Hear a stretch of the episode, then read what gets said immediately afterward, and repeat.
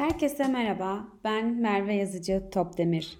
Satın Alma Podcast'ime hoş geldiniz. Geldik tablonun iki numarasına. Darboğaz ürünler tedarikçiler.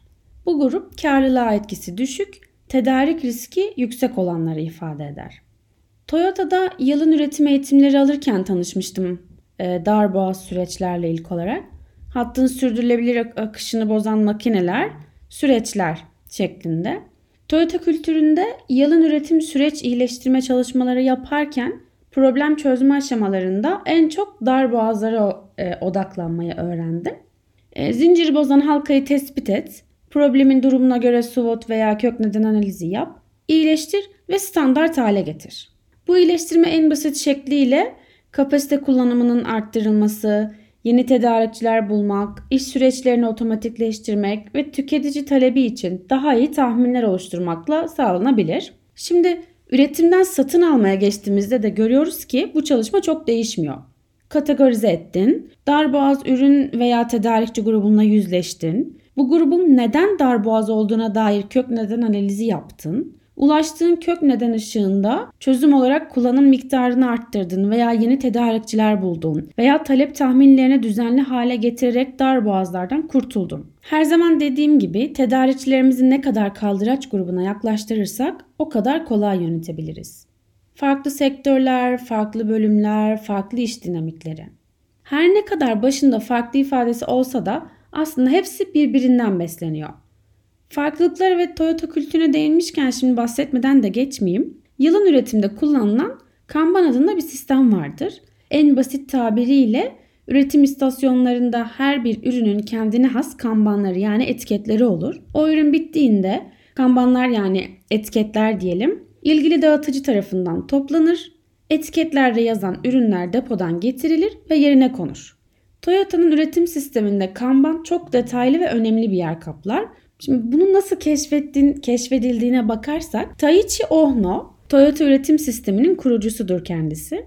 Ohno Amerika'da bir süpermarket gezerken Kanban sistemini keşfediyor.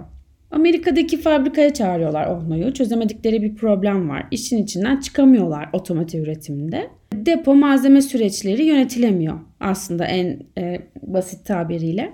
Günlerce kafa yoruyorlar. Bir türlü çözüm bulamıyorlar bu probleme. Sonra Ohna bu bunalmışlıkla kalkıp bir süpermarkete gidiyor.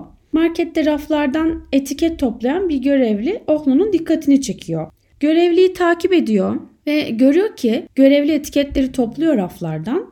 Sonra depoya gidip o etiketteki üründen getirip reyona koyuyor.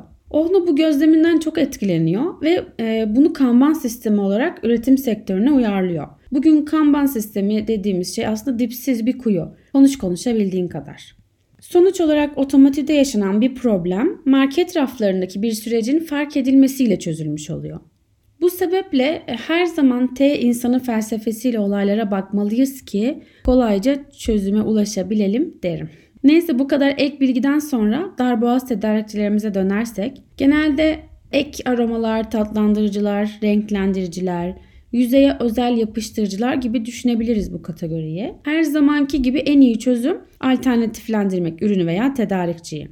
Elbette bu alternatiflendirmenin mümkün olmadığı durumlar da olacak. Tedarikçi kesin olarak darboğazsa her an ani bir fiyat yükseliş riskiyle karşı karşıyasın. E böyle olunca e, bu tedarikçi ile uzun dönemli bir fiyat ve tedarik anlaşması yapmak en karlısı olacak senin için.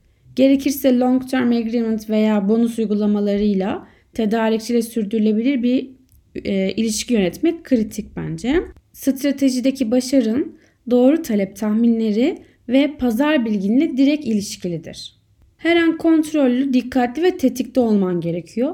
Unutma pazar bilgin çok çok çok kritik. O halde e, darboğaz kısmını bu kadar konuşmak yeter. Bir sonraki e, kategorimiz kritik olmayan alımlar üzerine olacak. Haftaya görüşmek üzere. Hoşçakalın.